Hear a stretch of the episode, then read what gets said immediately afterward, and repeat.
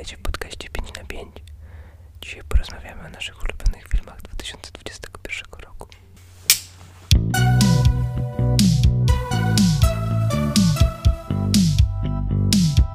Hej, witamy Was w podcaście 5 na 5. Ja jestem Michał Ja jestem Adrianna. Dawid. Paweł.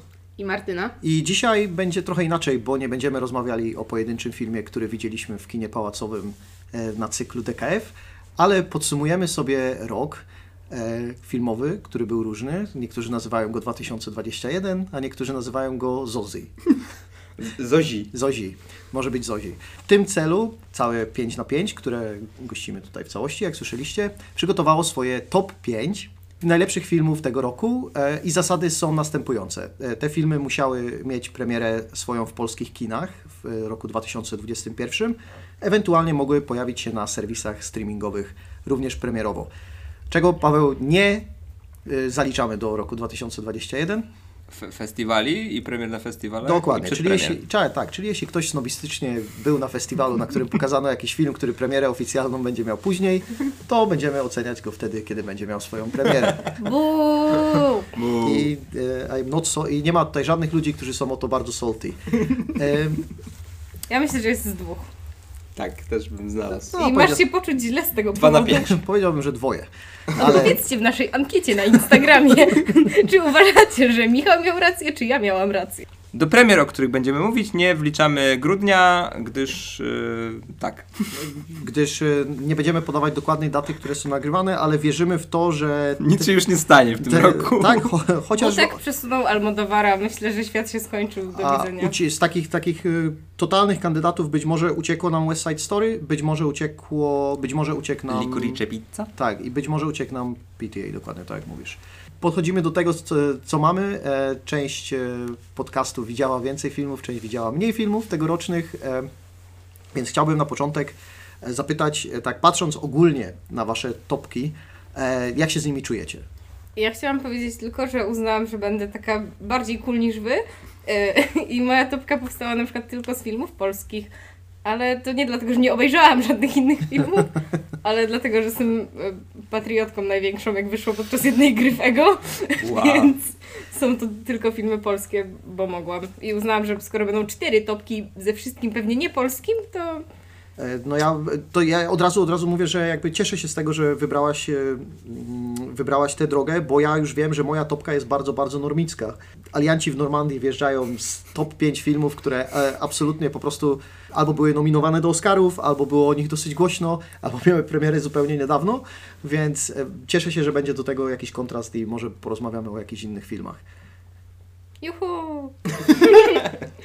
To moją myślą jest, że ja co prawda nie mam filmów polskich w moim top 5, ale mam dwa specjalne, e, wzm- specjalne wzmianki, które są filmami polskimi i to są filmy, które premierowały na festiwalach i w sumie nie wiadomo kiedy się pojawią gdziekolwiek, prawdopodobnie szybciej na streamingach niż w dystrybucji kinowej. E, czy mam już powiedzieć co to jest? Czy mam później Proszę co- bardzo, oczywiście, możesz, możesz je przedstawić, bo już A. potem nie pojawiam się w tej kon- konwersacji. Aha. Jej. Więc y, pierwszym filmem, o którym chciałem wspomnieć jest Centrum Komiksu Macieja Bieruta. To jest y, film o Centrum Komiksu, takie miejsce w Warszawie. Paradoksalnie okazuje się, że reżyser, chociaż zrobił bardzo zajawkowy film, nie jest zajawkowiczem komiksów. A drugim filmem, oba to są dokumenty, drugi film to jest film balkonowy Pawła Łozińskiego, o którym pewnie coś tam mogliście słyszeć, bo gdzie się pojawia, tam coś zgarnia nagrodowo.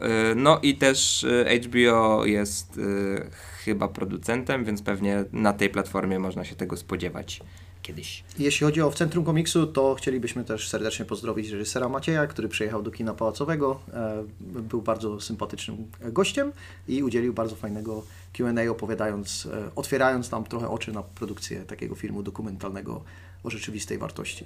Pozdrawiamy. Też pozdrawiam Macieja. Ostatnio zareagował na moje story na Instagramie i bardzo go lubię. E, ale chciałam też powiedzieć o tym, że film balkonowy jest wspaniały, ponieważ moja topka, poza tym, że jest z polskich filmów, nie jest też najważniejsza.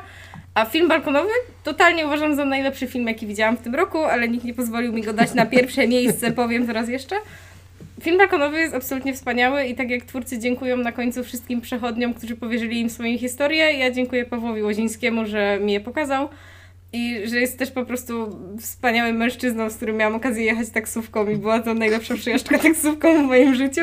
I miałam wrażenie, jakbym już grała w jego filmie po prostu. A może nawet nie grała, tylko po prostu jakby móc z nim porozmawiać przez to, że wiesz, co on robi, wytwarza w tobie takie wrażenie, że wszyscy czasem potrzebują się wygadać i to nawet pół randomowemu panu w taksówce, ale jest, uważam, w tym coś pięknego, w tym, co on, co on mówi nam o ludziach i wydaje mi się, że i tym, co mówi nam o tym, jak ludzie lubią opowiadać swoje historie.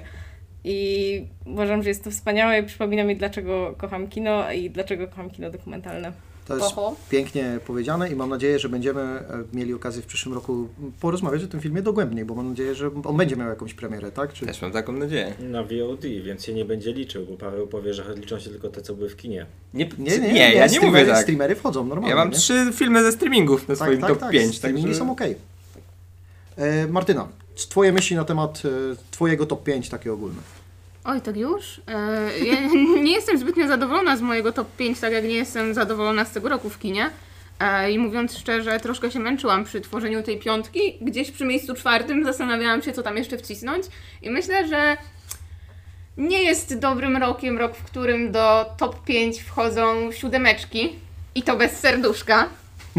A dlatego też e, lista moich filmów to są filmy, które jak najbardziej podobały mi się i e, które sprawiły mi dużo radości przy oglądaniu, aczkolwiek e, wiem, że poziomem one znacznie odbiegają od, od chociażby topki zeszłorocznej.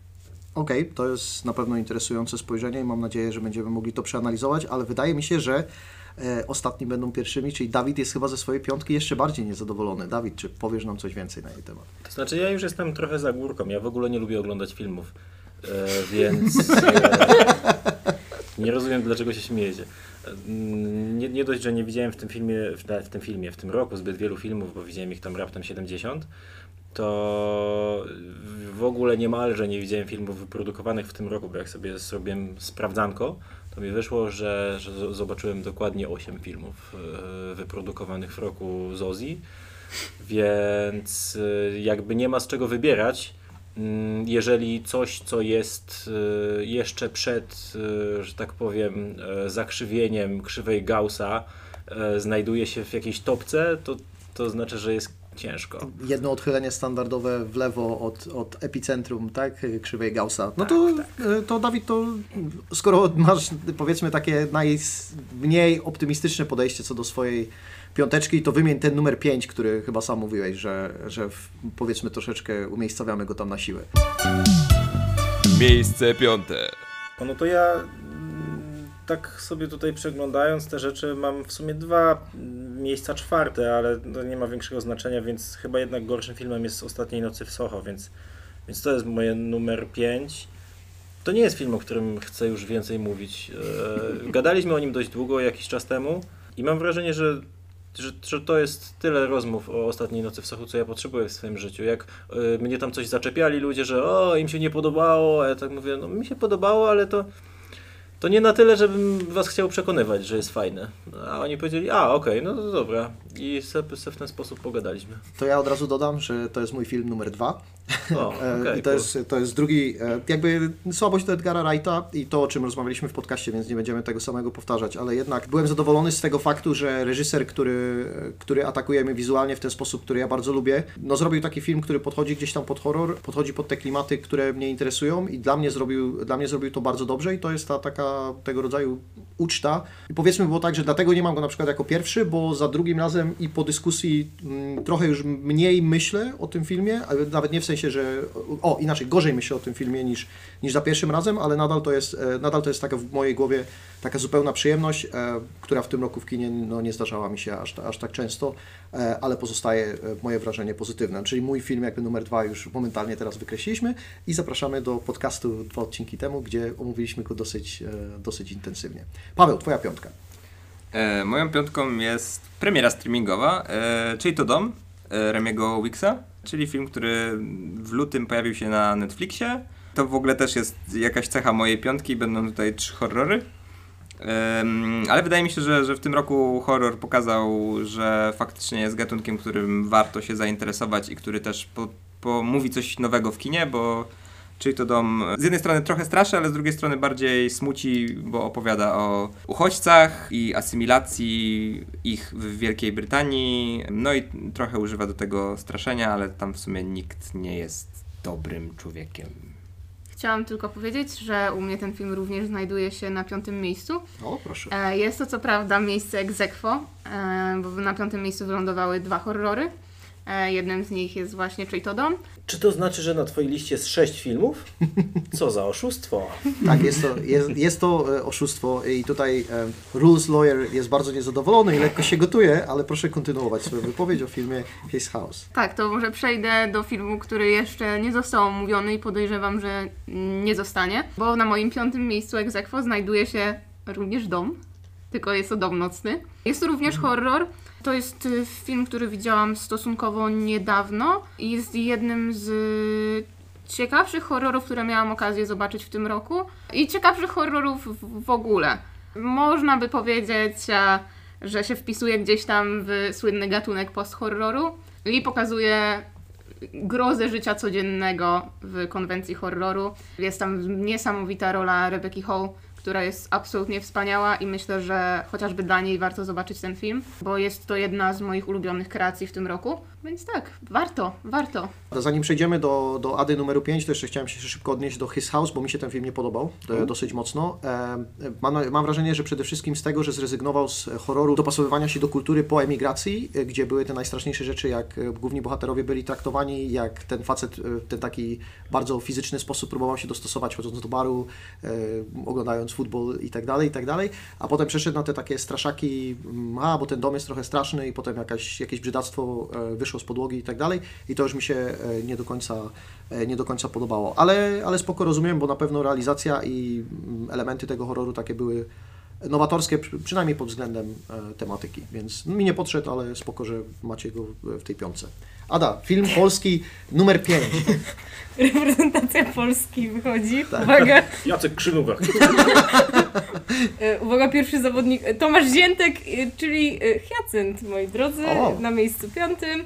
Bardzo lubię ten film. To jest opinia, z którą wiele osób się nie zgadza. Oglądałam go akurat na festiwalu w Gdyni, więc też pewnie widziałam go w fajniejszych warunkach niż każdy, kto ogląda, oglądał go na Netflixie. I bardzo mi się podobał ten film. Bardzo mi się podobała właśnie kreacja Ziętka, nieważne jaką on sobie jest osobą poza. Jakby naprawdę mój ulubiony wątek jakby w tym filmie, no bo on przyplata tam w sumie kilka gatunków, jest tam coś, ale no jakby sprawa, jest też cały wątek jakby teoretycznie, od któ- którego idzie tytuł, czyli Hyacynt, czyli nazwijmy to zamiast polowań na czarownicę, polowania na homoseksualistów. Strasznie lubię jakby to, jak rozwija się relacja właśnie Tomasza Ziętka i bohatera, który chyba ma na imię Arek, a Tomasz Ziętek ma chyba na imię Robert. I uważam, że są bardzo po prostu prawdziwi gdzieś w tej relacji, też jestem ostatnią osobą, która pewnie powinna się o tym wypowiadać. Tak, Dawid? Żaden z nich nie ma na imię Hyacynt? Rozczarowanie 2 na 10. Mnie, mnie, mnie bawi, że dosyć dwa normalne imiona, czyli Arek oraz Robert zostały przez Adę potraktowane jakby były z XVI wieku po- polskich szlachciców. Archaiczne imię. No, chyba. To było takie komiksowe imię. Hyacynteks? E, No muszę powiedzieć, e, Adrianna, że zachęciłaś mnie do obejrzenia tego filmu, bo tak naprawdę już miałem w planie nie, nie oglądać nic polskiego z tego roku, ale, ale ten Hyacynt gdzieś tam się przewija e, jako coś, co jest interesujące. Przepraszam, bo Ada jeszcze nie skończyła, ja tak tylko po chamsku przerwałem swoim... Bo ja pytałem na poważnie, nie... nie... Jest, Hyacynt to jest chyba to jest miejsce... ak- akcja jakby. Hyacynt to jest nazwa akcji właśnie tej... Policyjno-wojskowej, tak? Tak, przez, w której jakby oni wyłapują tych homoseksualistów. Bardzo lubię po prostu, jak ten film się toczy. To nie jest jakiś film, wiecie, wybitny, który zmienia po prostu twoje życie, tylko to jest właśnie film, który w sumie spoko, że jest sobie na tym Netflixie, bo to jest taki film, który odpalasz ze znajomymi, ale takimi, wiecie, zna znajomymi z filmoznawstwa, z którymi chcesz obejrzeć taki trochę ambitniejszy film, ale w sumie e, to jakby nie chcecie oglądać wstaw, ambitny film, tylko Szatańskiego tanga. Czy, czy to jest tego typu film, e, inaczej, czy nazwałabyś, e, że do tego samego gatunku filmu należy, należą wszystkie nasze strachy? nie. Aha. E, Martyna, i teraz proszę Cię jeszcze o jedną rzecz, bo nie daje mi to spokoju. Musisz wybrać, przystawiają pistolet do głowy obu tym e, filmom, które masz na egzekwo na piątym miejscu i musisz zastrzelić jeden. Michał ci przystawia konkretnie, bo Tak, ja, Michał, ja przy- dlaczego mi to robisz? Myślałam, idę- że jesteśmy znajomymi. Michał jest jesteśmy, panem ale ma być wybrany Chciałam jeden powiedzieć film. przyjaciółmi, ale nie chciałam być taka zuchwała. jak wybierzesz jedno piąte miejsce, to możemy... Porozmawiamy. No dobrze, no to w takim razie na moim miejscu piątym ląduje Dom Nocny. O, Dziękuję, a na szóstym miejscu e, jest e, His House. Poza, poza top 5. Poza top 5, Dobrze, dokładnie. Michale, twoje miejsce piąte. Moje miejsce piąte, czyli moja normicka lista przygotowana przez e, Make Life Harder, pod patronatem Make Life Harder, to jest Soul od Pixara. O, E, okej. To jest na przestrzeni tych ostatnich kilkunastu lat, Dawid wyraziłeś kiedyś taką opinię, że już wiesz jakie triki będzie na Ciebie zagrywał Pixar i ja się z, tym w 100% zgadzam, ale czasem jest tak, że ten film po prostu mnie kupuje kompletnie. E, I, e, I te triki Pixara decyduje się, że one nam nie działają. To jest Toy Story 3, to jest Wall-E, e, to jest Ratatouille, to jest właśnie, e, to, to jest właśnie Soul. Bo podobało mi się, że bardzo, że w przeciwieństwie na przykład do Inside Out, które poświęciło jakieś 65% filmu na, na to, żeby to była taka e, przygoda, że one tam biegają i latają tymi samolocikami i tam uciekają z tych wszystkich planet i tak dalej, a, naj, a te najfajniejsze momenty były, kiedy pokazywano te faktycznie emocje w działaniu, to Soul postawił z kolei na to, że 70% filmu będzie takie dosyć e, odważnie dorosłe, będzie rozmawiać na temat poważnych tematów, a 30% no tam trochę będzie uciekania kota po jakichś ulicach i próba znalezienia się we właściwym miejscu. I to był ten balans, którego potrzebowałem, zwłaszcza, że bardzo e, spodobała mi się e, animacja tego, jak zostały przedstawione zaświaty.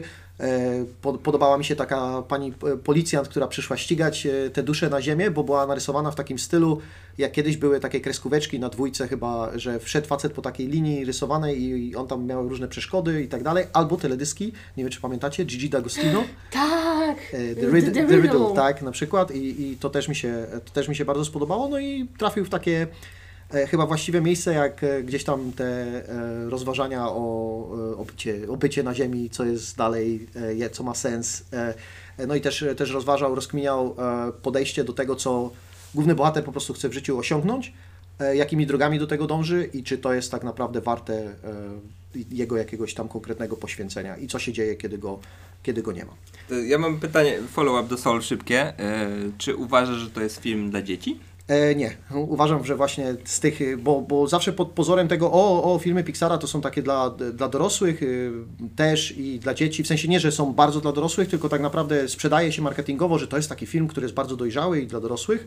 E, i, i Soul to jest prawdopodobnie jeden z tych niewielu, który naprawdę tak jest i zastanawiam się, czy, czy dzieci mogą coś z niego wyciągnąć, dlatego, że ten nacisk na przygodę jest położony mniej, niż na te e, jakby powiedzmy rozkminy e, takie egzystencjalne. Przechodzimy do numeru 4, o którym opowie nam swoim Paweł. Miejsce czwarte. No właśnie, ja chyba nie za bardzo chcę mówić o swoim numerze czwartym. Moim numerem czwartym są Michelowie kontra maszyny, czyli też film Netflixa. No i widziałem go, super się bawiłem, takie mocne 8 na 10, ale byłem w sumie zaskoczony, że go widziałem w tym roku i już, już trochę o nim nie pamiętam. Więc U mnie trójeczka na przykład, w sensie to jest na liście. Jeżeli ty nie chcesz o nim mówić, to ja powiem dwa słowa, ale jak będziemy przy trójkach... Nie, może, nie, czy- proszę mówić, skoro ten film się pojawił, to skipniemy Dobra, twoją okej, trójkę. to ja, to, to dla mnie film e, istotny z paru powodów. Po pierwsze dlatego, że oglądałem go e, po pierwszej szczepionce, w sensie po pierwszym tam sz- szocie covidowym z gorączką 40-stopniową, w związku z czym miałem na sobie cztery warstwy kocy i tak dalej. A i tak jak wszyscy mówią, że jest straszne cierpienie i tak dalej, to ja czułem się jakbym był na haju i, i byłem bardzo rozczarowany po drugiej szczepionce, że nie, nie było tego samego stanu. No trudno, mam nadzieję, że po trzeciej będzie. To, to jest pierwszy ważny powód. Drugi jest taki, że też film, do którego ja mam wrażenie, że te oczekiwania to jednak robią robotę, bo tak jak sobie myślę o tym, że przed chwilą mówiłem, że tak, tak, na odlot szedłem bez oczekiwań, zobaczyłem zajebisty film, no to też na Mi- Michelów sobie od, odpaliłem jako coś, co będzie strawne w tym stanie, w którym byłem. I nagle się okazało, że tak, że pomimo, że te wszystkie rzeczy to już widziałem miliard razy o tym, że to jest taka szalona rodzina, która wie, że tutaj, mimo że są chwile zwątpienia, to zawsze razem sobie pom- pomogą. I jest ten moment, w którym się okazuje, że o nie, mój ojciec to tak naprawdę nie jest e, tak, e, prawda, pozytywnie nastawiony do mojej osoby, a potem się okazuje, że on poświęcił swoje największe, spoiler alert, marzenie specjalnie dla mnie. I to jest taki moment, w którym sobie uświadamia, że rzeczy nie są takie proste.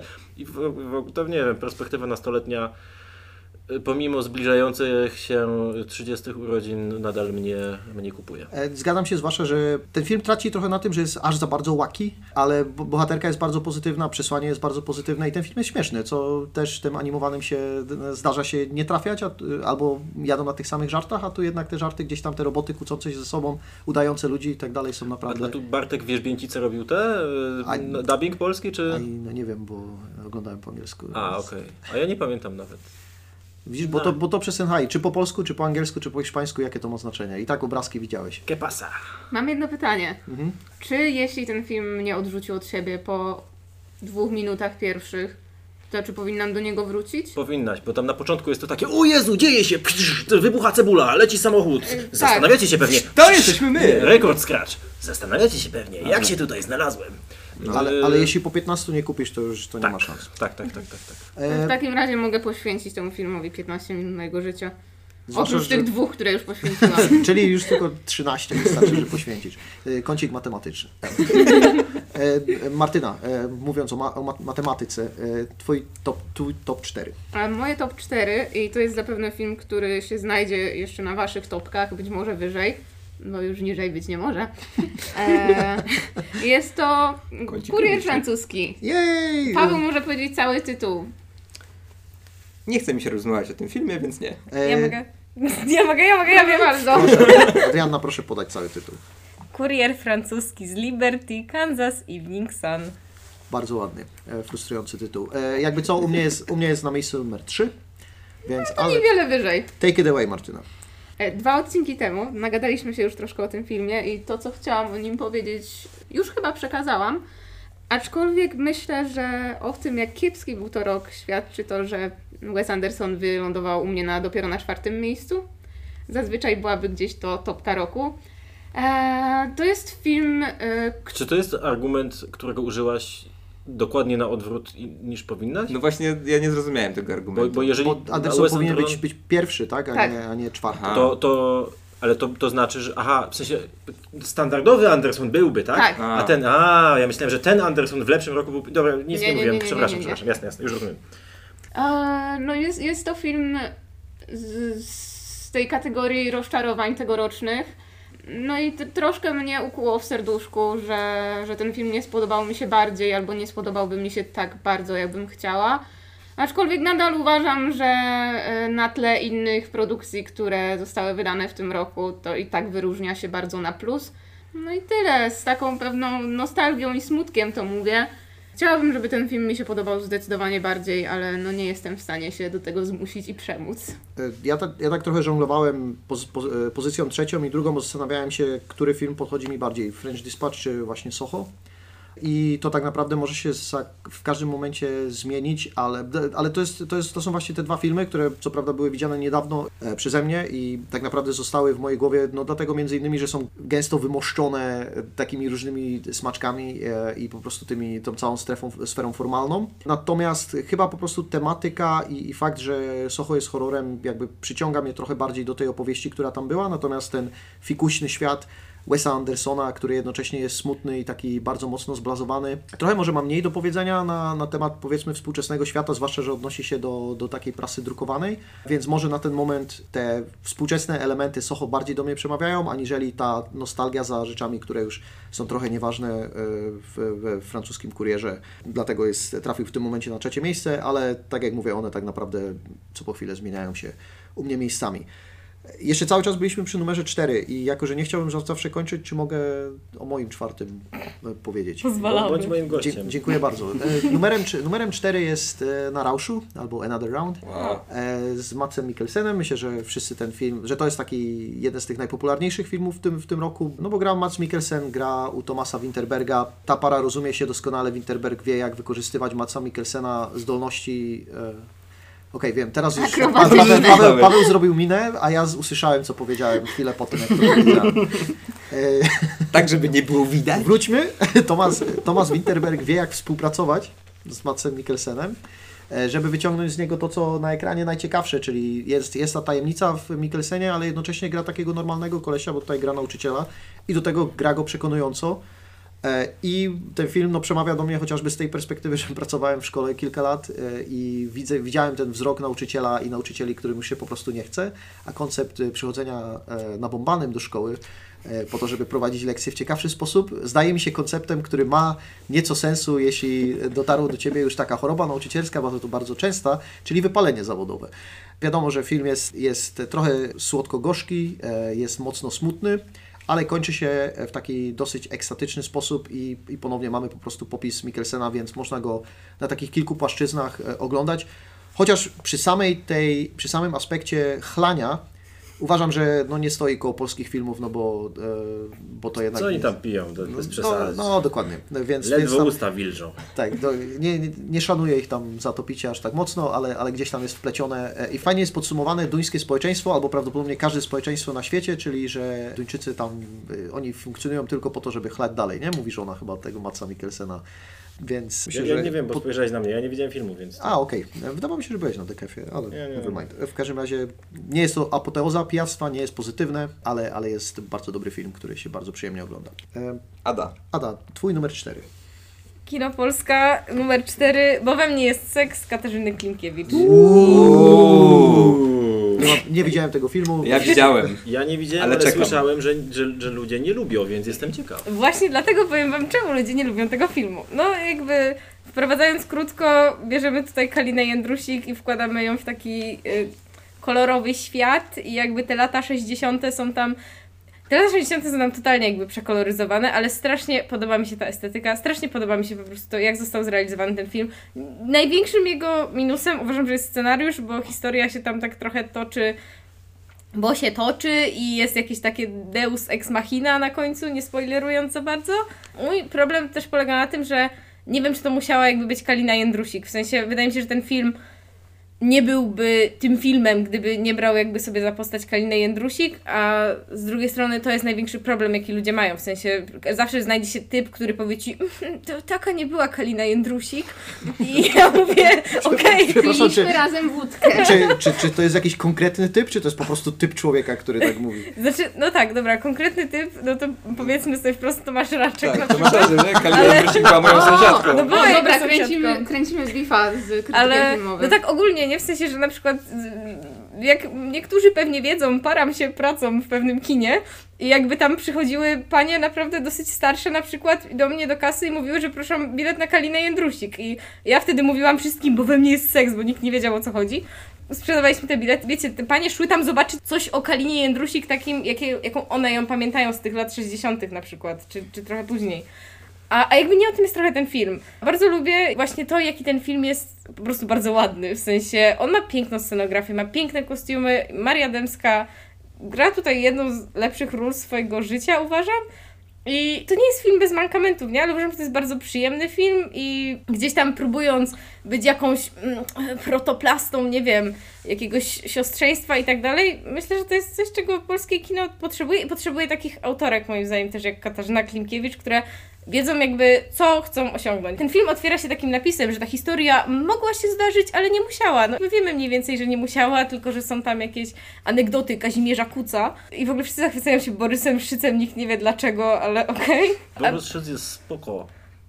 Ale, ale jakby... Ja nie widziałem filmu, ale proszę nie obrażać Ale jego, nie, nie, dobrze, ale jego nie obrażam, chodzi mi tylko o to, że jakby w sensie, bo Borys Szyc nie robi tam nic aż takiego, w sensie naprawdę on rzuca ręcznikiem jako Kazimierz Kuc, a wszyscy mówią, ale, ale on tam zrobił tego Kazimierza Kuca, wow, tak, tak, taki w ogóle był, w ogóle to powinien być film o Kazimierzu Kucu, a ja mam taka, okej, no, jest spoko, nie, i uważam, że po prostu jest to bardzo fajnie zrealizowany film i ja, ja szanuję, ja wiem jakby co się może nie podobać, ale to jest tak mniej więcej z każdym polskim filmem, przynajmniej jak ja wchodzę w jakąś dyskusję, no jakby Hyacynt też, jakby jak dojdziemy do mojego miejsca drugiego, to Paweł zrobi jeszcze szersze oczy niż robi teraz na temat mojego, mojej opinii na temat polskiego kina, ale zachowajmy to. Y, Czy miejsce czwarte Dawida? I, ale mogę powiedzieć, Tak, tak, tak, nie jest seks, bo ja mam A? kontrę. Y, O, Totalnie trzeba rozmawiać, bo tutaj myślę, że faj, fajne, fajne się mogą rzeczy zadziać. Znaczy, no, ja wydaje mi się, że trochę skończymy na lubię, nie lubię, bo to, co Ada powiedziała, że jest super, to dla mnie jest beznadziejne i bo we mnie jest seks, jest dla mnie teatrem telewizji, który porzuca teatralność i używa środków filmowych, pozostając scenografią, charakteryzacją i no też realizacją w teatrze telewizji i, i, dla mnie to jest niespójne. Scenariusz, tak jak powiedziałaś, no trochę nie istnieje, w sensie tam nie ma fabuły za bardzo. Rzeczy się dzieją, konflikt się rozwiązuje, ale jego podłoże też jest dosyć naiwne. Co do Marii Dębskiej, to widziałem ją chyba w jednym filmie poza Bo we mnie jest seks, więc nie będę się wypowiadał na ile to jest jej rola życia, ale no też jest młodą aktorką dosyć, więc jeszcze przypuszczam, że dopiero się rozkręca. Jeszcze trochę pożyję. Mamy nadzieję, życzymy zdrowia. No dla mnie ten film był...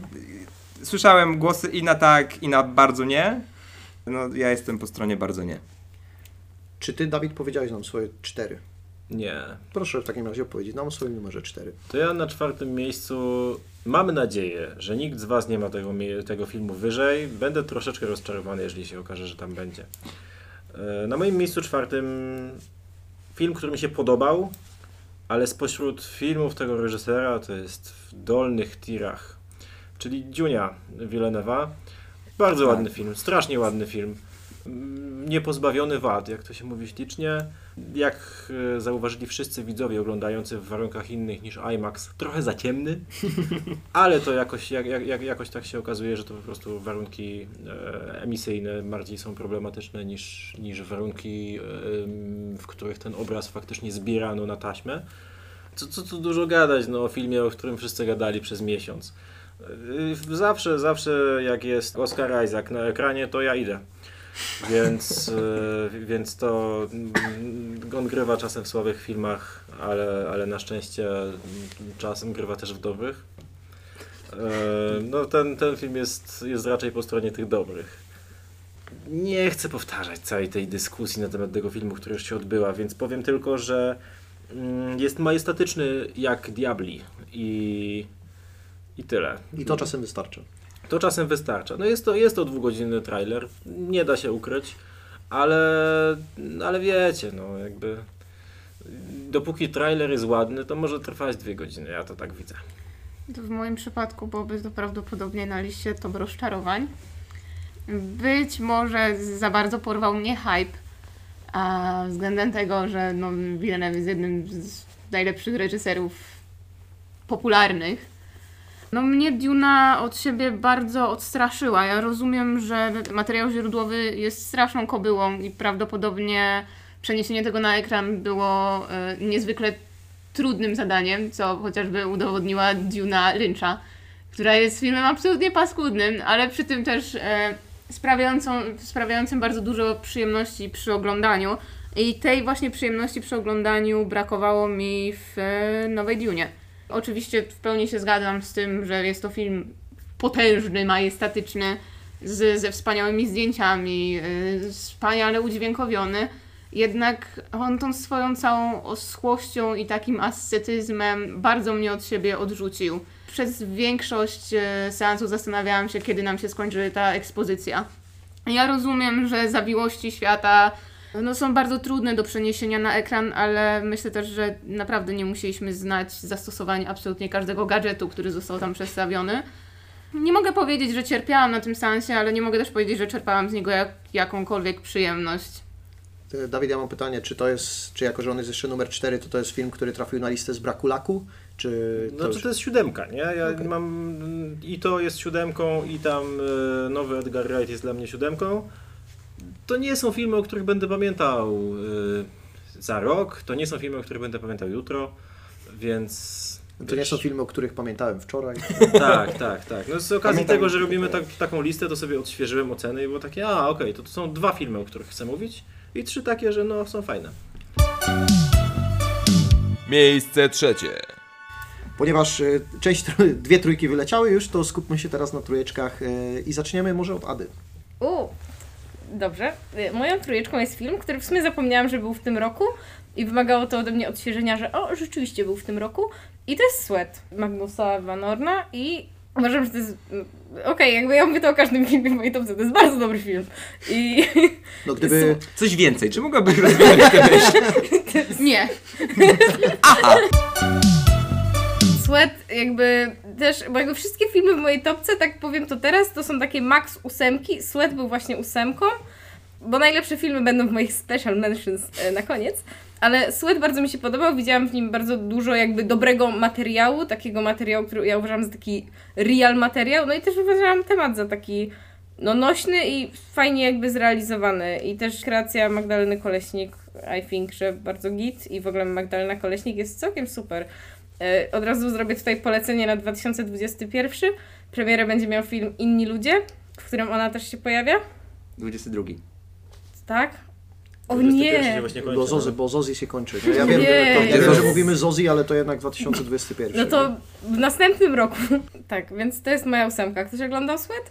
To ja tylko potwierdzę, że faktycznie zrobiłem większe oczy niż przybył we mnie seks. Eee... Aha, a to jeszcze nie było, to przy czym A, to jeszcze nie było to! Oh my god! Tak, Wściekłe gały już będą wypadać z No. oczodą. Ej, ale Totalnie tak. Okej, no... Przy eee, dwójce, tak ci powiem. W sumie argumenty, nie wiem, przy Sweat akurat, o ile e, charakteryzacja i scenografia tutaj nie mam zastrzeżeń, o tyle fabuła, tudzież jej e, brak, no, są poważną przeszkodą i zupełnie nie poczułem tego filmu. I też nie rozumiem bohaterki. Nie, nie wiem, czy mam jej współczuć, czy mam czuć wobec niej jednak jakieś e, antypatyczne emocje, tak? To, to właśnie, co ty mówisz, uważam za absolutnie zaletę tego filmu, w sensie, że to nie jest jakieś takie... Ambiwalencje? No, totalnie. Ja to po prostu czytałam tak, że ja sobie po prostu obserwuję, co dzieje się w jej życiu i pewne rzeczy wydają mi się jakieś oczywiste, a niektóre o wiele mniej. I przede wszystkim podoba mi się tam wątek, bo główna bohaterka jest influencerką, fitnessiarą, wszyscy wiemy o co chodzi. I jakby jest ta scena, kiedy ona jedzie na urodziny swojej mamy i ona jakby, wiecie, tłumaczy swoim wujkom na przykład, co, co to znaczy, że ma 200 tysięcy followersów w internecie. I, a, a jeszcze ta matka jej tak nie docenia. Nie wiem, to są jakieś takie bardzo real rzeczy i no nie wiem, wydaje mi się, że mówienie o tym, jak to jest być personą w internecie, a jak to jest być personą jednak realną, gdzie nie wszystkich w sumie obchodzi do końca, że jesteś personą w internecie, bo to jest w zasadzie twoja praca. Wydaje mi się, że to jest jakby mocniejsza strona tego filmu. To ja powiem, że jakby temat jest interesujący. Wydaje mi się, że on absolutnie nie został wyeksploatowany. Ja chciałbym tylko jeszcze dodać, że e, wszyscy członkowie podcastu 5 na 5 zajmują się na boku prowadzeniem e, fitnessowych Instagramów oraz YouTube'ów. E, tak. Ja dodam metanarrację na tym etapie. Jeżeli jeszcze, bez, bezpośrednio zwrócę się tutaj do nas, naszych drogich słuchaczy, jeżeli jeszcze nie zarejestrowaliście tego faktu, to Paweł jest wielkim fanem tak zwanego klasycznego kina narracyjnego. E, więc Potwierdzam. jeżeli film e, pozwala sobie na pewne, że tak powiem, e, fanaberie na poziomie scenariusza, to Pawłowi się nie będzie podobał. Powiedziałbym bardziej, że jeżeli film stwierdza, że scenariusz nie jest najważniejszym elementem filmu, to mi się nie będzie podobał. Pawle, chciałbym dać Ci możliwość wypowiedzenia się pozytywnie na jakiś temat, bo ostatnie Twoje wypowiedzi były troszeczkę negatywne. ze No, względu przecież wszystkie oczywiście- moje topki są No właśnie dlatego chcę, żebyś, e, żebyś e, powiedział nam o swoim numerze 3. Skandal. Moim numerem 3 jest film, który klasycznie podchodzi do struktury narracyjnej. Jest to film e, Nocne czuwanie Keitha Thomasa. To jest bardzo, znowu horror. E, angielski tytuł The Vigil. Thank you. E, opowiada o Szojmerze, czyli człowieku, który jest wynajmowany w społeczności żydowskiej do tego, żeby spędził noc przy ciele świeżo zmarłej osoby i odprawiał tam modły po to, żeby obronić e, ciało czy też duszę przed e, złymi duchami. Bardzo kameralny film. Większość dzieje się w jednym mieszkaniu, które tam jest kilkupoziomowe, ale no jedno miejsce. 90 minut jest strasznie, jest element, podobnie jak w Czyj to dom, taki etniczny, bo wchodzimy w tą społeczność żydowską. Główny bohater też jest y, wątpiący, więc to jest istotny y, element jego charakterystyki. y, No i dla mnie super też jako aspirującego filmowca taka trochę szkoła rzemiosła. Okej, e, to jest kolejna rekomendacja, którą co prawda już zrobiłeś w przeszłości trzy razy i nigdy z niej nie skorzystałem, bo... Ja skorzystałam. No, ja mówię, że ja nie skorzystałem, a powinienem był, ale to też jest e, bardzo moja wina. Natomiast to, co mówisz, właśnie ten element etniczny mnie na pewno do tego ciągnie, zwłaszcza, że jest w kulturze żydowskiej, która jest bardzo, bardzo interesująca. Ja, ja się chciałam w sumie odnieść do filmu, o którym powiedział Paweł, Proszę bo w bardzo. momencie, w którym wymieniłeś ten tytuł, miałam takie a, faktycznie, to było dobre. Ale myślę, że sam fakt, że o nim zapomniałam, jednak świadczy o tym, że nie powinien się znajdować w mojej topce. E, W pełni się zgadzam z tym, co powiedział Paweł i była to też jakby troszkę, był, to odświeżający seans ze względu na to, że no większość jednak horrorów o zjawiskach paranormalnych, czy tam o demonach, y, jednak jest oparte na chrześcijaństwie I no jest to, to, to troszkę już e, wyeksploatowany temat. I był to na pewno ciekawy seans. Nie na tyle, żeby znalazł się gdzieś tam na liście moich ulubionych filmów, ale na pewno przeżyłabym dalej rekomendacje Pawła. Okej, i twój numer 3. E, mój numer 3 to jest coś, co zapewne y, się już nie powtórzy w waszych topkach. Też przez długi czas się zastanawiałam, czy warto ten film umieszczać, bo prawdopodobnie jest najbliżej popcorniaków ze wszystkich filmów, które tutaj wymienimy. Jest to horror i jest to najnowszy film Jamesa Wana, czyli Malignant, bądź jak to wolą polscy producenci, Wcielenie. Jest to film, który w tym roku dał mi najwięcej przyjemności. Mówiąc szczerze, absolutnie nie chciałam się na niego wybierać ze względu na wszelkie materiały promocyjne, bo wyglądało to jak kolejny film z uniwersum obecności i nie widziałam w tym absolutnie krzty oryginalnego pomysłu. A więc no niestety producenci troszkę zawalili i myślę, że dlatego też ten film się aż tak dobrze nie sprzedał. Jeśli się sprzedał, to pojawiały się opinie krytyczne ze względu na to, że ludzie się nie tego spodziewali. E, Jest to film, który bardzo czerpie z kina klasy B albo nawet Z z bardzo niszowego i kiepskiego horroru. Tutaj y, będziecie mogli odkreślić sobie bingo, bo będzie to cytat mojej oceny z Filmwebu. Bardzo się cieszę, że James Wan tak natrzaskał pieniążków Warnerowi, że powiedzieli mu, że może zrobić ten film bez problemu, bo tam tak naprawdę nic go nie ogranicza. Jest to absolutnie głupi pomysł, jest to absolutnie durny film, który, który jest tym jest, jest cudowny, jest wspaniały. To jest przyjemność z kina w pigułce. Bardzo się cieszę, że zostałam namówiona na ten seans. Bardzo się cieszę, że, że mimo wszystko te materiały promocyjne mnie nie zniechęciły, bo był to absolutnie najlepszy seans kinowy, jaki w tym roku przeżyłam.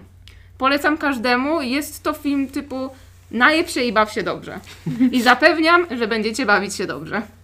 Ja, ja bym odjął chyba to najebanie, bo ja byłem na trzeźwo i Ale- ale... byłem super, ale też dołączam się do polecajki i na pewno warto Tak, zwrócić uwagę. y- y- Może nie jest to element obowiązkowy, ale opcjonalnie można e, Tak, wykonać. powiem tak. pomóc w odbiorze. Tak, tak. Może być zdecydowanie dużo łatwiej strawny po alkoholu, aczkolwiek ja również wyjątkowo na tym horrorze byłam trzeźwiuteńka i bawiłam się wybornie. Co mnie jedynie fascynuje w dyskusji na temat tego filmu, że pojawiają się wątpliwości odnośnie tego, czy ten film miał być tak kiepski z zasady, czy tam to po prostu coś nie wyszło. Ale myślę, że już przy etapie napisów początkowych, jeśli ktoś nie szczaił konwencji, no to już nie ma dla niego ratunku. Tak, to jest film, po którym, w którym argument y, nie zrozumiałeś może powrócić po prostu w, wiel- w glorii i chwale. I można go zestawić wtedy w takiej analizie porównawczej z, w, w, z Wieniawą. E, Nie chcę mi się nawet przypominać tytułu. E, Wiem, że on... W lesie, w lesie coś tam. Tak, w lesie coś tam się W dzieje. lesie no. dziś nie Właśnie zacznie coś tam nic. dwa. Tak, Dwa. E, e, o, a, propos, a propos dwa. Miejsce drugie. Ja będę mogła pierwsza moją dwójkę, bo chcę, żeby Pawłowi już wypadły oczy. Oh my god. myślę, że tak, ja tylko powiem ku Okej. gwoli zachowania porządku, że ja się ze, ze swojej trójki i dwójki wyprztykałem, Dawid wyprztykał się ze swojej trójki, więc przechodzimy do kółeczka z numerem dwa. Moje dwa, czyli jak sprawić, żeby Pawłowi oczy wypadły jeszcze bardziej. Ciekawy tytuł. Wow, nie, Ej. nie widziałem tego filmu. To brzmi jak jakiś taki dobry spin-off w lesie dziś nie zaśnie nigdy, więc jakby myślę, że jest. Dobra, moje wspaniałe życie Łukasza Grzegorzka. Nie, to przy Sweat bardziej mi wypadły oczy. A naprawdę dałeś temu filmowi jakieś nędzne trzy? No, a I- Sweat dałem chyba nędzne 2. Aha, a, bo to te, tego nie I bo sprawdzałam. we mnie jest seks też dałem nędzne 2, więc pniesz się. Ale jesteś nędzny. W każdym razie, moje wspaniałe życie, jakby zacznijmy od tego, że ja bardzo lubię chyba Łukasza Grzegorzka, w sensie córka trenera, podobała mi się bardzo, mam też z nią dobre wspomnienia, bo to był film, na którym pierwszy raz byłam w kinie pałacowym, mając, nie wiem, 17 lat, było fajnie, wiecie? I w ogóle, jakby ja lubię klimat tych filmów, w sensie on jest jakiś taki, mm, taki trochę chillowy, ale tak trochę w sumie wiesz, że taki, to jest taka chillera, ale taka chillera taka podszyta tym, że w sumie coś jest nie tak, ale trochę nie masz siły czegoś z tym zrobić. Paweł jakoś tak wzgardza wybitnie tym, co mówię. Jest mi Eee, przykro z tego powodu. nie No, było na tobie, się, wylew. tobie, się, tobie się podobała córka trenera przecież. Ty to widziałeś na Nowych Horyzontach i pamiętam twój komentarz y, Mam z, z rozmowy z braciakiem, że fajnie coś tam y, kręcić fajne filmy czy jakoś tak. Tak, to był wstęp braciaka do legalnej kultury, że dobre filmy to dobra historia. Sorry, że tak tutaj odjechałem, ale jak, jak, jak No, wspomniałaś będę o miał tym- kontrę, także spoko, jak, dajemy jak wspomniałaś o tym, że, że e, o, o, tym, o tej córce trenera i o tym, jak go- ją oglądałaś tam w kinie Palcami w ogóle, to widziałem, że Paweł jeszcze bardziej się załamywał. Ja miałem takie, the fuck, przecież co to za zmiana zdania? Nie wolno zmieniać zdania. Z komentarza Pawła też Co? co do nowego Grzegorzka, to też wynika, że raczej lubi tego reżysera, tylko ten film mu nie podszedł. Tak. Aha, a mi właśnie podszedł wybitnie, w sensie widziałam w nim jakąś taką sumę małych frustracji, w sensie takich frustracji, których doświadczasz jakoś na co dzień i jak sobie żyjesz w takich frustracjach, to one się stają dla ciebie codziennością i to w sumie nie jest fajne i w którymś momencie wybuchasz i w którymś momencie podejmujesz decyzję o tym, że chcesz jakby dać sobie więcej komfortu, niekoniecznie dobrą drogą. Lubię właśnie, tak jak powiedziałam, ten klimat. Ta Nysa w ogóle jest dla mnie prawie jak moje hometown, które jest nieco mniejsze, ale jest równie, nie wiem, wsiurskie i klimat tej szkoły i tych nauczycieli przypomniał mi trochę, w jakim miejscu życia byłam tak trzy lata temu, że nie chciałabym wrócić do tego miejsca w moim życiu. Trochę też to będzie jakiś taki, nie wiem, revealing, ale jakby myślałam na przykład o swojej rodzinie też jakoś w kontekście tego filmu. Moja rodzina wygląda totalnie inaczej niż to, co się dzieje tam w tym filmie, bo to jest trochę pojebane wszystko. Ale jakoś po prostu w, w tym widziałam jakby tych ludzi, nie? I uważam, że, że, że to jest super. No i jakby jak już byliśmy przy Jacku Braciaku i Agacie Buzek, oni po prostu... Jacek Braciak jest uważam jednym z lepszych polskich aktorów, tak ogólnie. I jest bardzo dobry i on się jeszcze tutaj u mnie pojawi, więc możliwe, że zaspoilerowałam wam mój numer jeden, ale wiecie co? To już Myślę, chyba że bardzo fajnie. No i Agata Buzek też spoko, lepsza niż w Wiedźminie, nie? Więc Przeszła, przeszła Nie jest to długą trudne. drogę od tego Wiedźmina, ale, ale wydaje mi się, że już od dłuższego czasu jest po tej dobrej stronie mocy, co?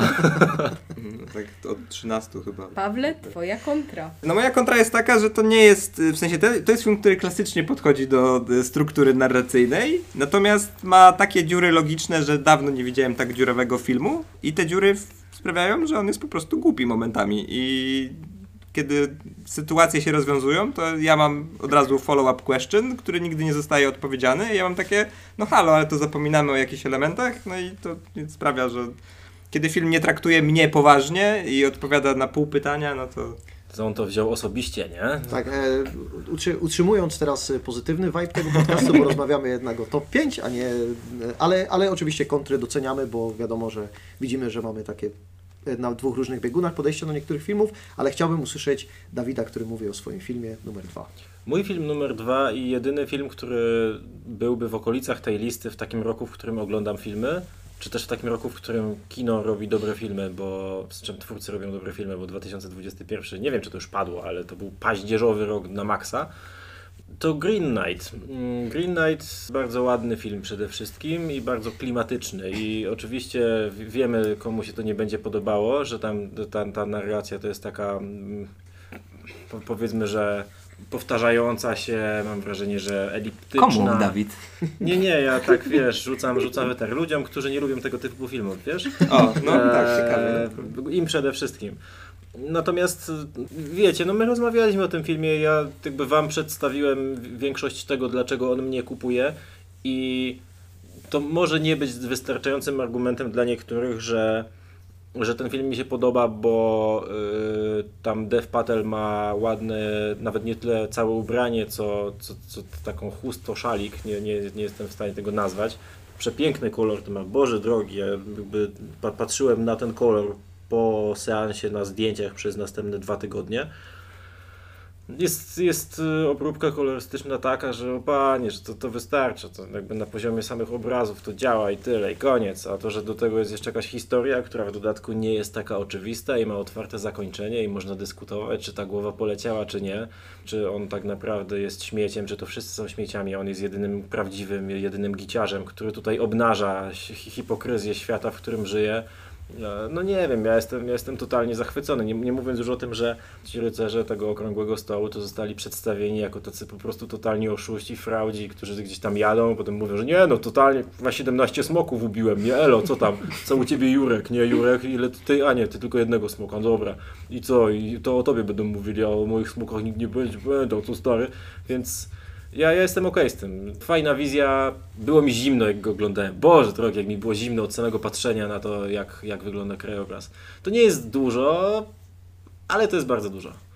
Ja bym chciała teraz chyba wykonać niesamowitą woltę i fikołka Mhm. i zmienić moje miejsce piąte. Z- Zamienić, e, zamienić coś na... Okej, proszę bardzo. Tak, chciałabym zamienić Dom Nocny na Green Knighta. Okej, spoko. Tak, jestem, jestem Team David w tej kwestii. No. I szczerze mówiąc, y, bardzo żałuję tego zaniedbania. Bardzo przepraszam Cię, Green Knightie, byłeś cudownym filmem. Absolutnie zasługujesz na to, żeby wylądować w moim top 5 tego roku. zapomnianym. E, Rules Lawyer mówi, zezwalam. O Boże. Oj, to tyle już Volt było na tym moim miejscu piątym, ale to jest myślę, że o- ostateczny wybór. Jeden film zginął! Jeszcze, jak jeszcze raz zmienisz, to już to będę musiał ci ściąć tę głowę. To głowa tutaj na pewno poleci. tak, tak jest. E, Martyna, twój numer dwa. A mój numer dwa jest to film Ojciec. Okej. To jest też mój numer dwa, Czyżbyś także... też chciał dokonać wolty jakiejś? Nie, nie, nie, nie, nie, nie, nie. Proszę, proszę wypowiadać się. Jest to film, który mnie najbardziej dotknął emocjonalnie i w jakiś sposób rujnował, co bardzo cenię sobie w kinie. Lubię, jak mnie tak film czasami przeora. Cóż tu mogę powiedzieć? No, wizja wydarzeń przedstawionych w tym filmie absolutnie mnie przeraziła i, i bardzo, bardzo zasmuciła. E, wiele łez zostało wylanych podczas tego seansu. No i nie da się nie wspomnieć o no, wybitnej roli Antonego Hopkinsa i muszę tutaj to przyznać publicznie po raz pierwszy, bo wielokrotnie wypowiadałam się bardzo negatywnie o Antonym Hopkinsie, mówiąc, że od 30 lat gra tego samego przemądrzałego, jowialnego staruszka, który raz na jakiś czas rzuci jakimś ciętym tekstem. E, I nie sądziłam, że jest w stanie z siebie jeszcze coś wykrzesać, ale tą rolą udowodnił mi, że się myliłam. Przepraszam, Antony Hopkinsie, zwracam honor. Zasłużony Oscar. Zanim Paweł tutaj zacznie kontynuować na temat tego filmu merytoryczne rzeczy, to ja jako człowiek, którego nie widział się też wypowiem, bo na pewno jest prawdą wszystko to, co mówisz odnośnie jego wyśmienitej gry w samym filmie, natomiast y, ci z Państwa, którzy być może nie, nie mają internetu albo nie korzystają z niego zbyt y, właściwie, y, nie wiedzą, że Anthony Hopkins jest też właścicielem bardzo fantastycznych kont w mediach społecznościowych, z których korzysta właśnie tak, jak powinno się korzystać z kont w mediach społecznościowych i nie będę na ten temat mówił nic więcej. Zachęcam do poszukańska. Chciałam tylko powiedzieć, że jeśli zasmuci Was wyjątkowo film Ojciec, a na pewno to zrobi, to dobrą terapią jest oglądanie działalności Antonego Hopkinsa na mediach społecznościowych. Jest to absolutnie cudowne i być może zasklepi Wasze złamane serca. Jeśli ktoś nie poczuł się przekonany, jest tam kotek. I think. Może to niektórych przekonać. Paweł. E, No ja chciałem powiedzieć, że komentarz jest to film pasuje tutaj idealnie, natomiast w tym pozytywnym znaczeniu, bo Florian Zeller zaadaptował swoją sztukę teatralną, ale w żadnym momencie, znaczy czuć to może w momencie y, podejścia do kameralności, nie? Jakby tu też większość rzeczy się dzieje w jednym mieszkaniu. Natomiast zaadoptowanie medium filmu do tego, żeby y, opowiedzieć o Alzheimerze, świetnie działa i y, no, to jest jakiś. Dawno nie widziałem takich formalnych zagrywek y, w filmie i, i, tym mnie przede wszystkim kupił, plus znowu jakieś tam wtręty lekko horrorowe się pojawiały, co zawsze na plus, szczególnie, że jest to dramat i absolutnie nikt się tego nie spodziewał. E, No to ja od razu bardzo płynnie przejdę do mojego numeru jeden, Miejsce pierwsze. którym jest ojciec.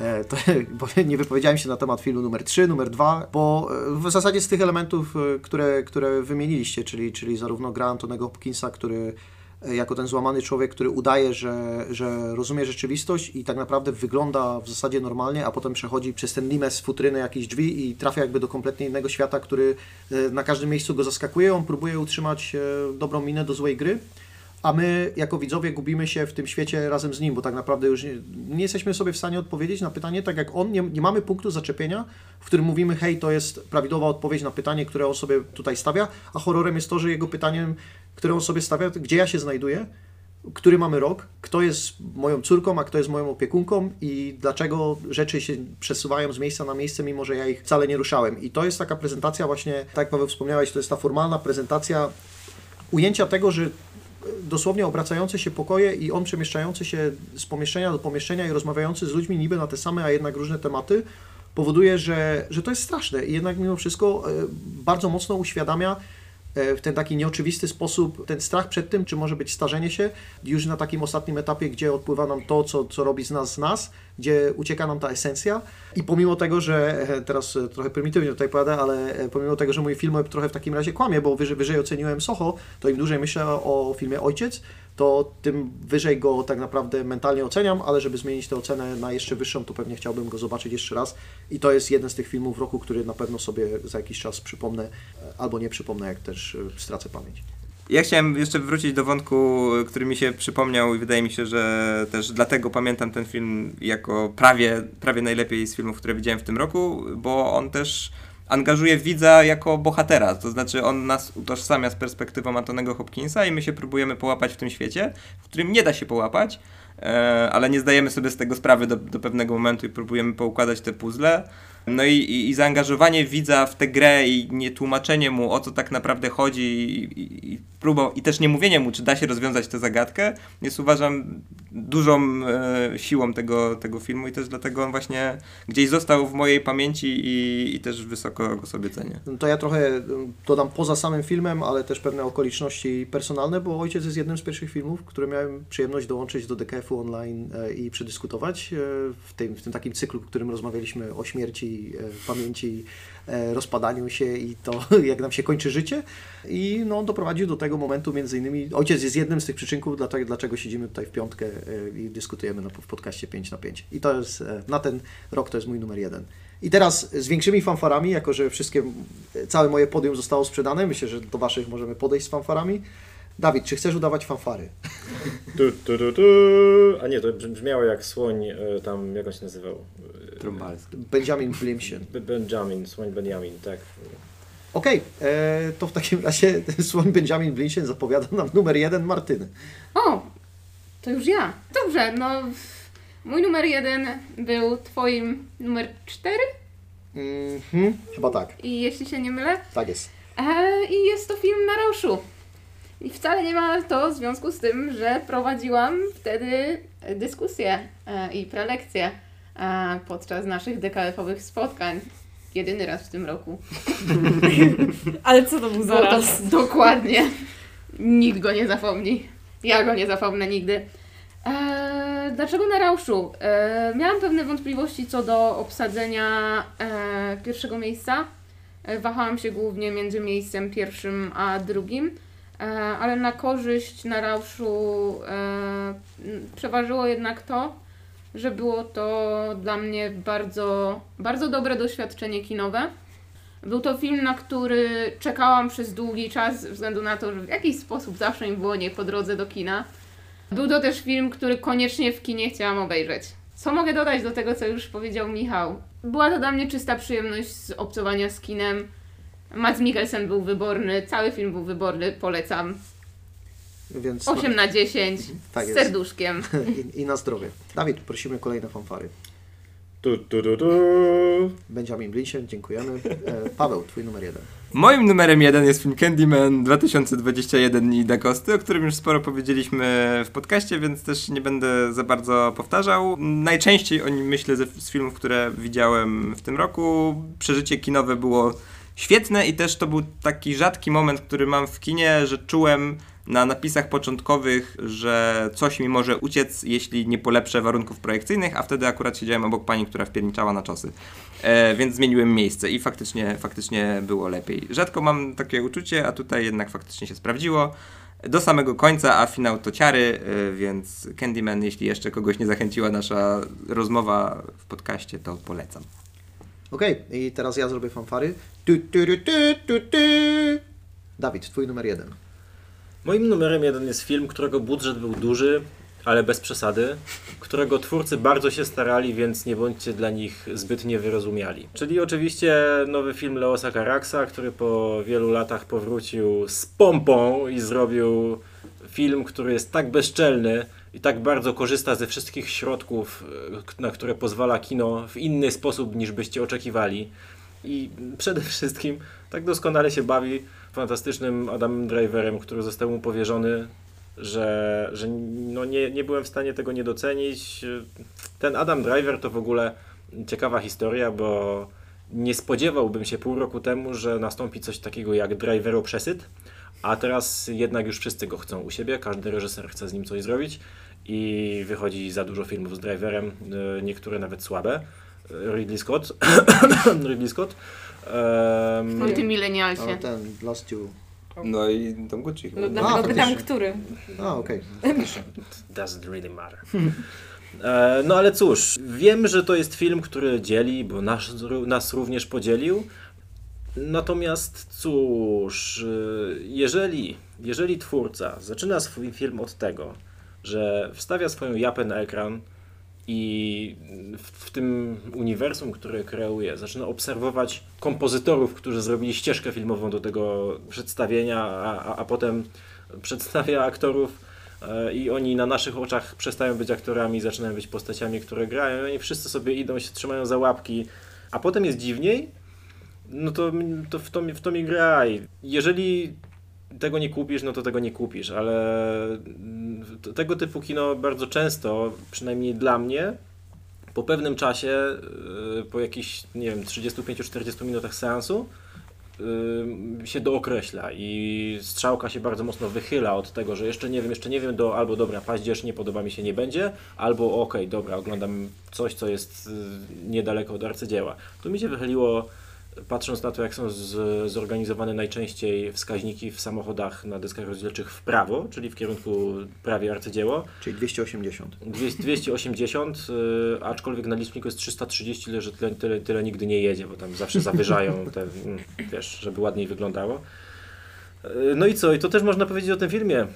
Y, On też tutaj 330 pokazywał, pojechał 280, mm, mógł pojechać 330, ale, ale w pewnym momencie Leo Skarek stwierdził, że dobra, już kończymy, już, już dwie godziny siedzieliście w tym, w tym kinie, coś się wydarzyło, ktoś tam umarł, ktoś przeszedł jakąś ścieżkę, ktoś nie. Mieliśmy syreny, mieliśmy zombiaków, mieliśmy latające magiczne dziecko, mieliśmy dziwną lalkę, mieliśmy scenę porodu, podczas, podczas której ludzie śpiewają, mieliśmy dziwną scenę seksu między Adamem Driverem i Marią Cotillard, która była absolutnie fantastycznym kampem. No, no nie wiem, w sensie Jak jakby nie śpiewasz i nie harmo- harmonizujesz w trakcie seksu? To jest...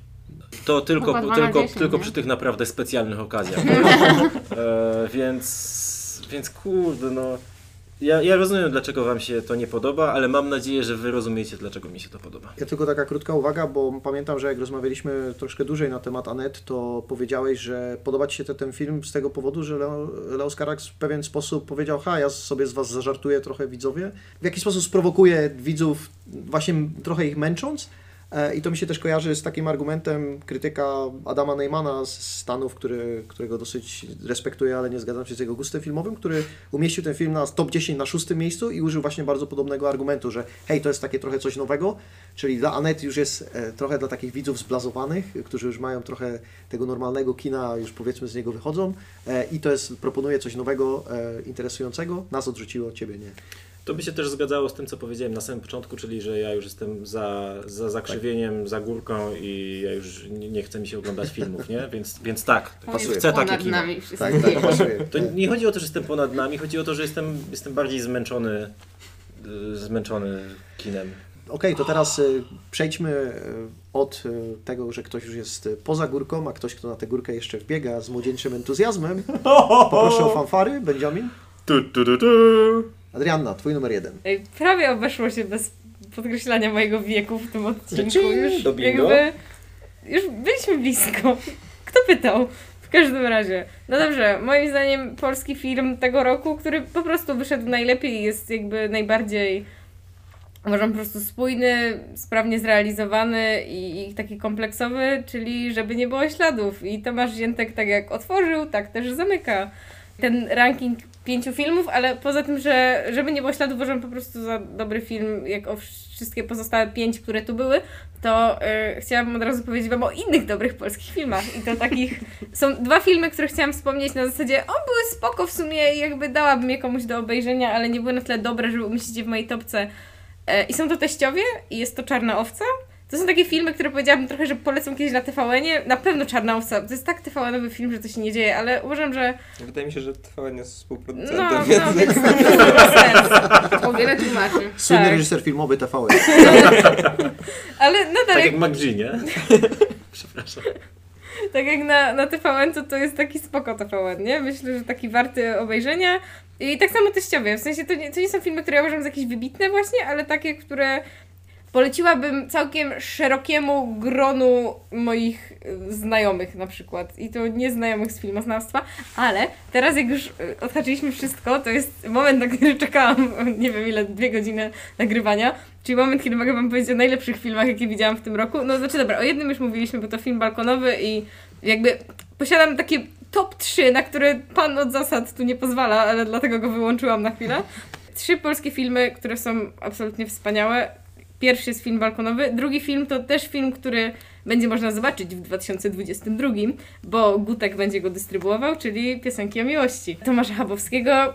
To jest jakby love story, na które ja czekałam od momentu, kiedy nie chcę powiedzieć, że się zestarzałam, bo już wszyscy wiemy, że nie jestem aż taka stara, ale jak jakby jesteś taką małą dziewczynką wychowaną w szamotułach i oglądasz dużo Disney Channel i naoglądałaś High School Musical kiedyś, to masz w głowie dużo jakichś takich love stories, które jakby potem się budzisz i wiesz jakby, że kurwa nie, nie, tak nie wygląda w ogóle życie i to jest bardzo bolesny moment w życiu każdej dwunastolatki. A moja wewnętrzna dwunastolatka ostatnio przeżywa bardzo duży kryzys osobowościowy, bo zaczyna dorastać, a piosenki o miłości to jest love story, które, którego potrzebowała 22-latka, którą będę właśnie w 2022, kiedy pojawi się ten film. Absolutnie każdemu go polecam. Jest tam absolutnie wspaniały soundtrack i też miałam okazję widzieć ten film na festiwalu w Gdyni i być na spotkaniu z twórcami i słyszeć, co mówili ci ludzie o, o tworzeniu przede wszystkim muzyki do tego filmu, bo uwaga, e, piosenek jest dużo, skoro te piosenki o miłości. Po prostu idźcie na ten film, naprawdę. I może wam się nie spodobać. Wiem, że wielu osobom się nie spodoba. Jakby siedziałam na seansie obok mojej koleżanki i Martina Stankiewicza i im się podobało tak na 7, a ja byłam jak 9 z łzami w oczach. Naprawdę, to, to jest po prostu love story, na które czekałam. No i trzeci film, który jest moim trzecim ulubionym filmem tego roku polskim. Jest to film dokumentalny.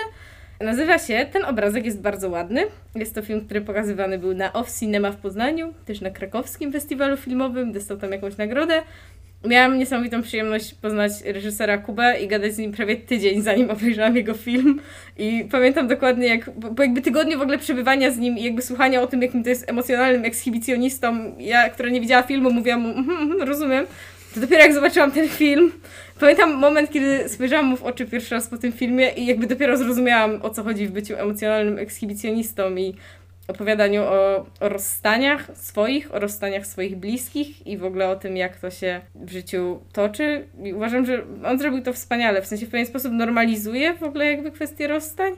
No kurwa, pięknie to wymyślił, tyle powiem. Naprawdę, to jest też film, który chciałabym, żeby więcej ludzi mogło zobaczyć niż, niż, niż go zobaczy.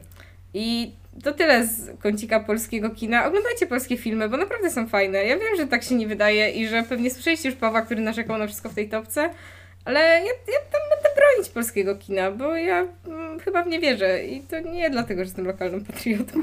Ja dodam tutaj komentarz, który jest relevantny do dyskusji dzisiejszego podcastu i, że, i żeby nie było śladów, było na shortliście tego, żeby na mojej liście się znaleźć. Od gdzieś tam ostatecznie wyleciało za Soul, które trafiło do mnie bardziej emocjonalnie, ale to był naprawdę dobry polski film i z tym się akurat zgadzam. Albo nawet po prostu dobry film, nawet bez e, tego kwantyfikatora, że był polski. I teraz na podsumowanko, żeby przypomnieć, e, bo był chaos w tych e, ocenach. E, Dawid, twoja piątka jeszcze raz? Miejsce piąte Last Night in Soho, miejsce czwarte Duna, miejsce trzecie Michelowie kontra maszyny, miejsce drugie Green Knight i miejsce pierwsze Annette. Paweł? Miejsce piąte, czyli to dom. Miejsce czwarte, Michelowie kontra maszyny. Miejsce trzecie, Nocne czuwanie, The Vigil. Miejsce drugie, Ojciec. Miejsce pierwsze, Candyman. Martyna. Jako, że u mnie było najwięcej roszad, to bardzo się cieszę, że mogę powtórzyć. Piąte miejsce, ostatecznie, już tu się nic nie zmieni. Green Knight. Czwarte miejsce, Kurier Francuski. Trzecie miejsce, Malignant, bądź jak to woli, Wcielenie. Ojciec na drugim miejscu i na pierwszym miejscu na Rauszu. E, czyli moja najbardziej normicka lista ze wszystkich, bo takie filmy oglądam i takie lubię, czyli piąte Soul, czwarte Na Rauszu, trzecie French Dispatch, drugie Last Night in Soho i pierwszy Father. The Father, czyli ojciec e, i Ada. Polskie filmy, bo takie lubię i takie oglądam. Piąte miejsce Hyacynt, czwarte miejsce Bo we mnie jest seks, trzecie miejsce Sweat, drugie Moje wspaniałe życie i pierwsze, żeby nie było śladów. Okej, i my będziemy słyszeć się po nowym roku, e, więc życzymy Wam szampańskiej zabawy na, na Sylwestra. Spotkajmy się na e, rynku w Krakowie, kiedy e, nie, nawet nie kiedy, a gdzie, bo to jest miejsce, a nie czas, ale w pewnym sensie rynek w Krakowie jest również czasem i w tym czasie spotkamy się w następnym roku. E, tak. Wiwat Nowy Rok. E, Tak, ja oczywiście ten cringe był celowy i, e, i tak naprawdę nie życzę Wam szampańskiego. tak naprawdę to nic wam nie Obejrzyj, życzę, obejrzyjcie w Sylwestra jakiś film albo zagrajcie w grę czy coś i my słyszymy się po nowym roku, jeszcze nie wiemy z jakim filmem, ale e, dwa Z tygodnie, jakimś, z jakimś dobrym, z tego co pamiętam. prawdopodobnie tak, e, dwa tygodnie po emisji tego odcinka. To już nie jest emisja, prawda? Chyba nie. E, do usłyszenia.